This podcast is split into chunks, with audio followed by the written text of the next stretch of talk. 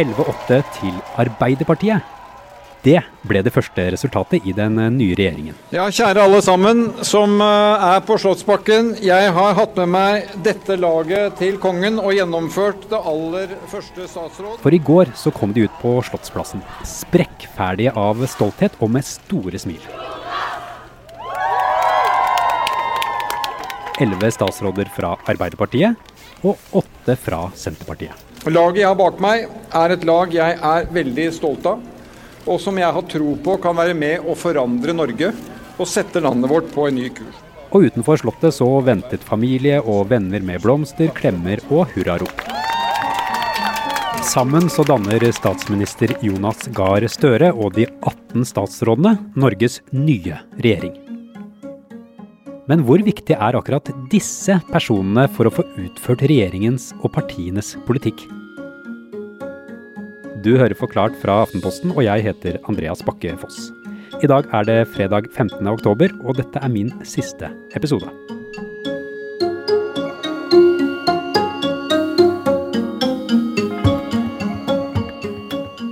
Trine Eilertsen, hvis du ikke hadde vært sjefredaktør her i Aftenposten og, og min sjef, men kunne velge deg en post som statsråd i en regjering, hvilken post ville du valgt? Da ville det stått mellom to poster. Enten finansminister og få lov å sitte og se på helheten og, og, hvordan ting påvirker hverandre, eller kunnskapsminister. Jobbe med skole for, uh, for ungene. Det, det, hadde jeg ikke tenkt før jeg fikk barn, men nå har jeg barn, og da er jeg utrolig opptatt av det.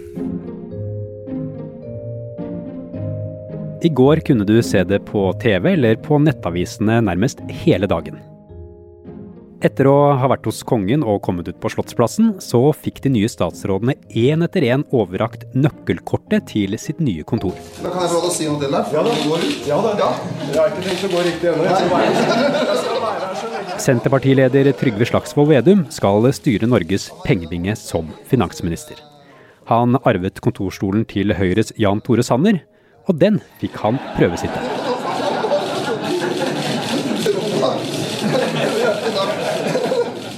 Arbeiderpartiets Hadia Tajik blir arbeids- og inkluderingsminister. Og eh, Trygge og ordna arbeidsforhold er ingen enkel jobb, men det er en viktig jobb.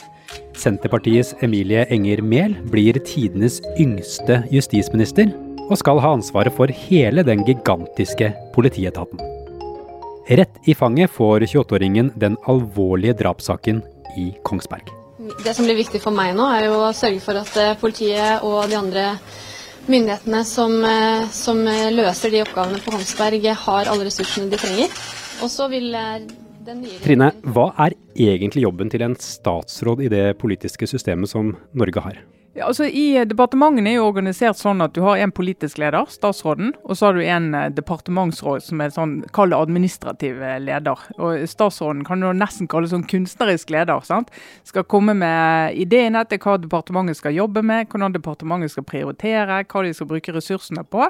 Uh, og sånn at Det som en statsråd gjør, tar med seg regjeringsplattformen inn i departementet, ser på sine områder og sier at dette er det jeg skal jobbe for å gjennomføre.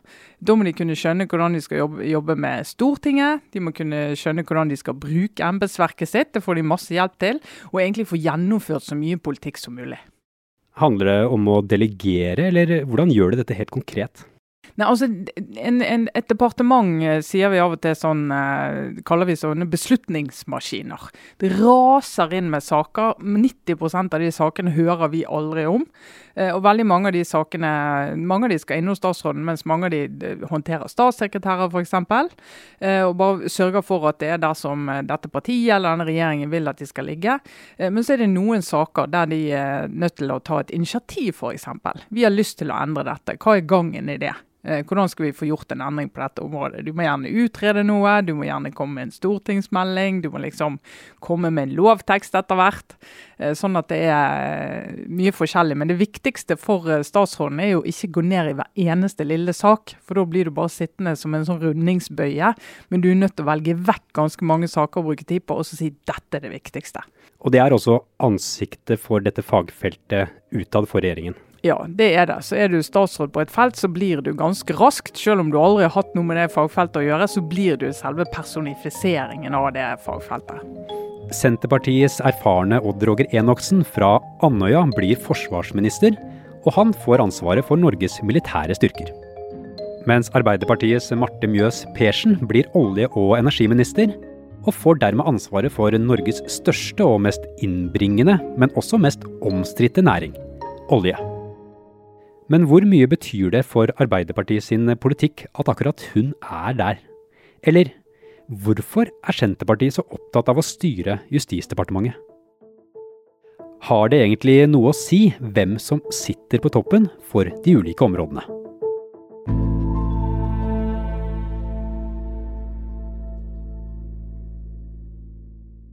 Trine, nå har de to partilederne Jonas Gahr Støre og Trygve Slagsvold Vedum sittet lenge med dette som heter regjeringskabalen, og i går så kom eh, den nye regjeringen ut på Slottsplassen. Hvordan tenker de når de skal avgjøre hvem som skal bli statsråder i regjeringen?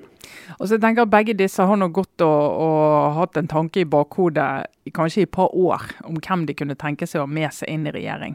Eh, de legger merke til talenter, de legger merke til folk som utmerker seg på forskjellige områder.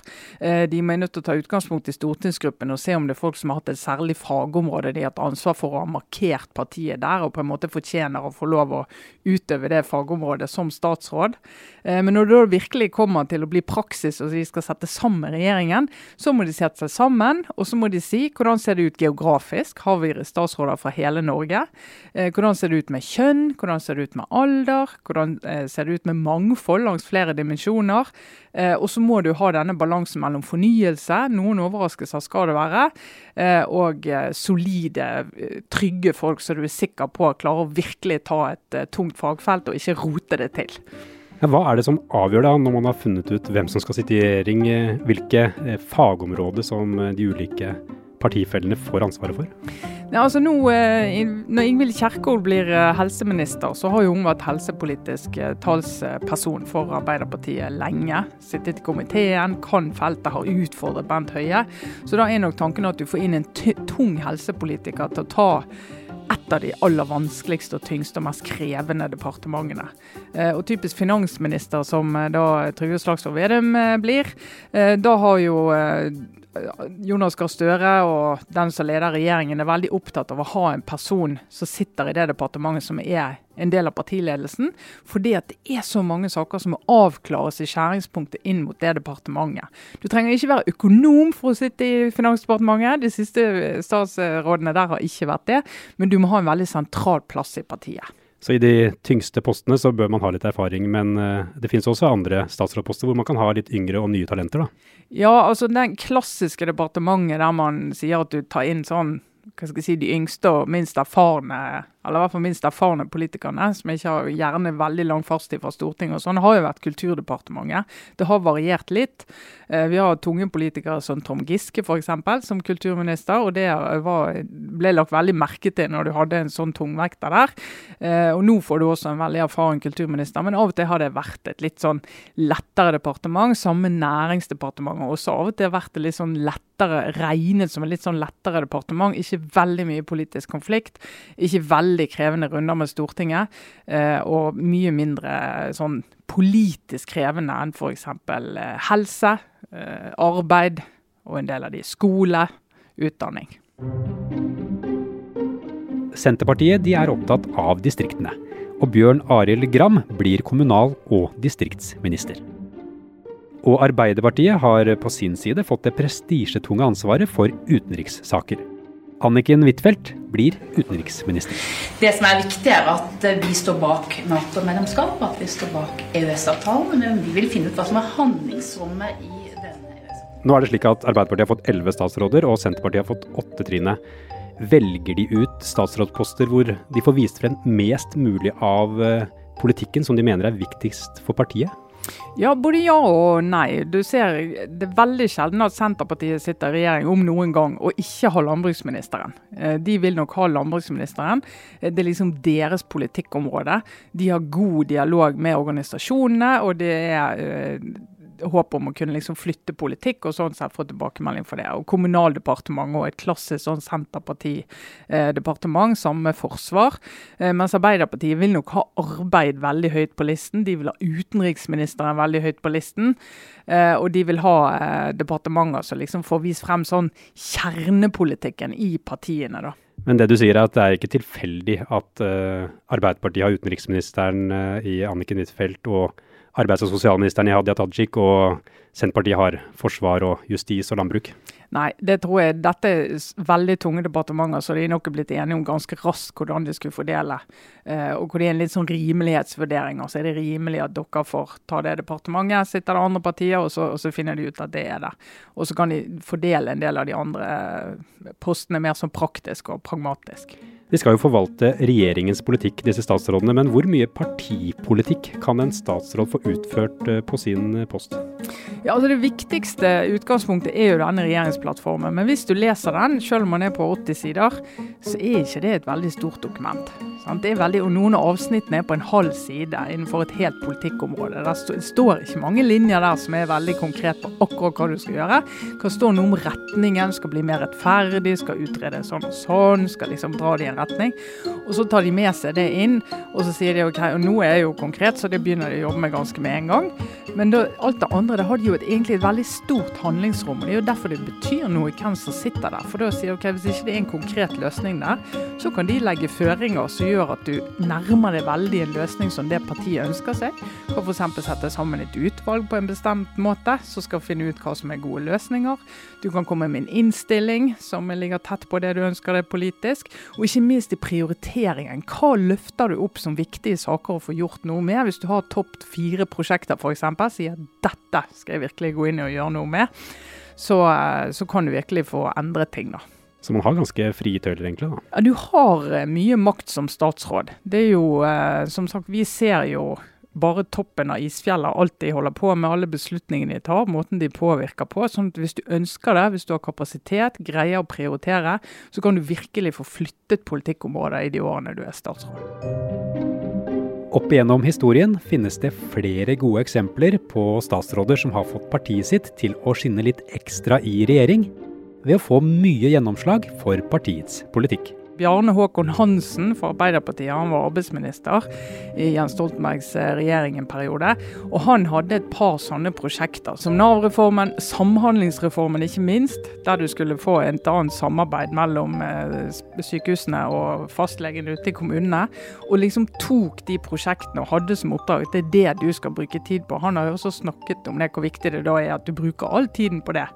Eh, og ikke holde på med alt stort og smått som kommer mot det som sånne tennisballer fra utenverden. For det er alltid noe verden vil ha respons på. Eh, så han har jo klart å, å markere partiet sitt.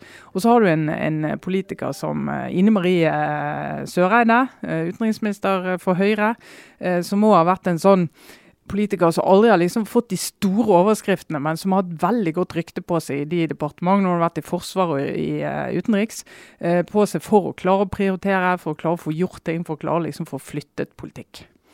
Denne regjeringen er jo i mindretall på Stortinget, Trine, og må hente støtte fra andre partier for å få flertall.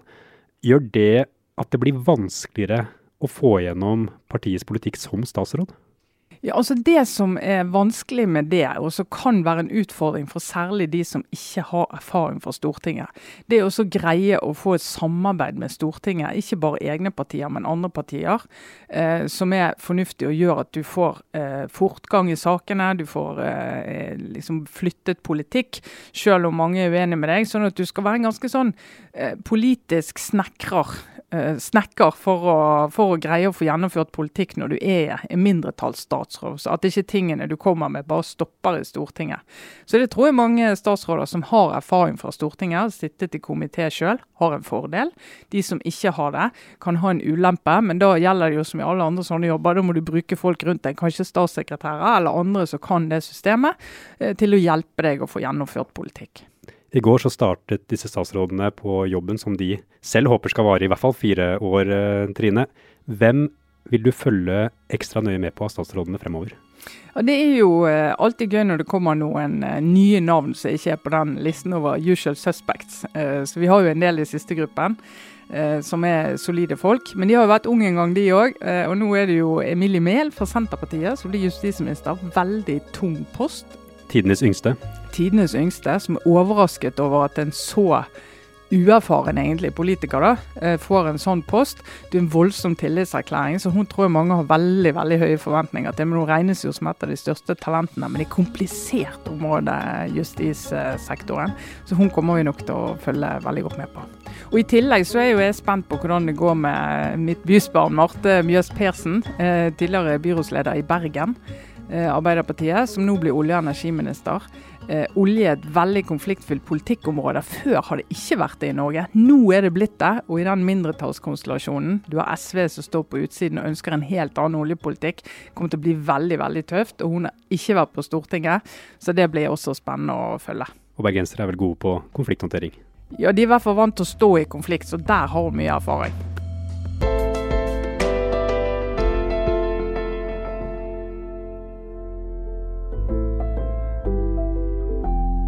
Denne episoden er laget av produsent Fride Næss Nonstad, Thea Wold Lyster og meg, Andreas Bakke Foss.